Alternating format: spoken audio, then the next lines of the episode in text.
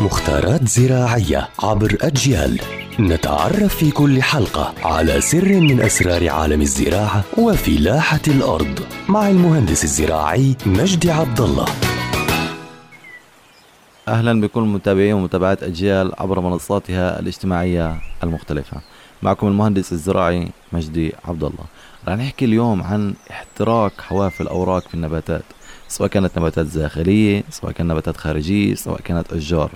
فمن هاي الأمراض اللي هي ظهور اللون البني على طرف أوراق النباتات.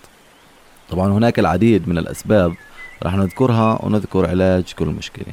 أولا مية السقي. يعني الكلور الموجود بمياه الغسالة على سبيل المثال بسبب تسمم بسيط للنباتات يظهر بشكل حرق في الورق وهو من أكثر المشاكل انتشارا. طبعا الحل دائما نستخدم مياه الخزانات لأنه إذا ركد الماء فيها أكثر من 14 ساعة يتطاير الكلور أو مياه تقطير. ثانيا نقص عناصر غذائية أهمها نقص البوتاسيوم والكالسيوم والمغنيسيوم. طبعا العلاج إنه إحنا دائما نسمد بالسماد ال NPK المتوازن نسمد بالسماد الكالسيوم نسمد بالسماد المغنيسيوم. ثالثا قلة التهوية.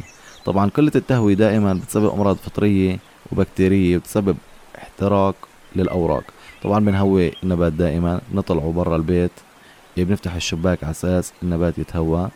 ورابعا وأخيرا وهو تعرض النبات للتيار الهوائي الحار أو البارد وقلة الرطوبة.